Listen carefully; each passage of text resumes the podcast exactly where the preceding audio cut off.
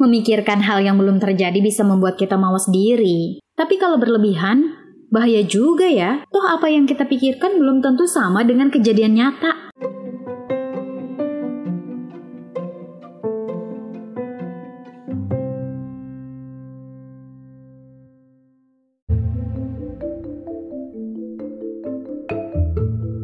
Episode ini adalah bagian dari tantangan 30 hari bersuara 2022 yang diselenggarakan komunitas The Podcasters Indonesia.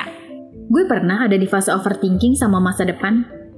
Positif sih, tentang keberhasilan.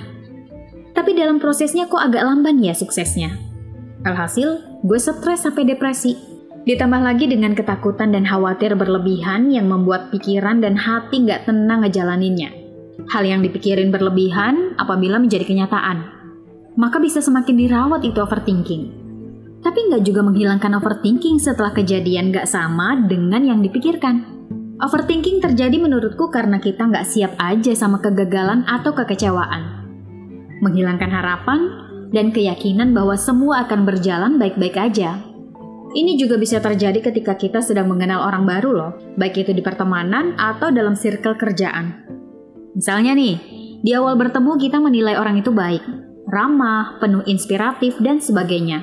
Tapi ketika kita singgah ke rumahnya dan mengenali sisi lain orang itu, ternyata tidak seperfect brandingnya waktu bertemu kita pertama kali.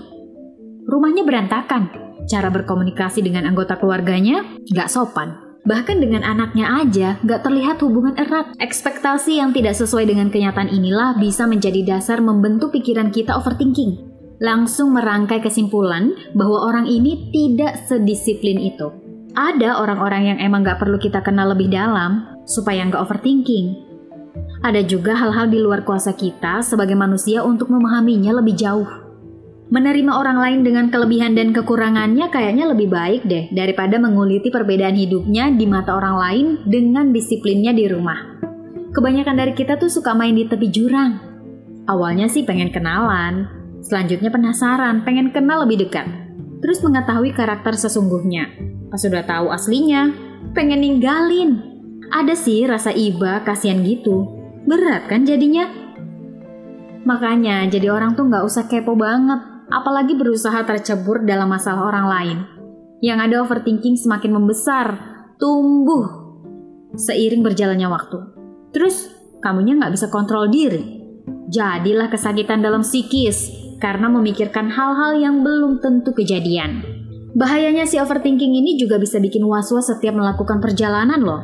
Takut ini, takut itu, khawatir, nanti kalau gini gimana, dan lainnya. Kamu pernah overthinking?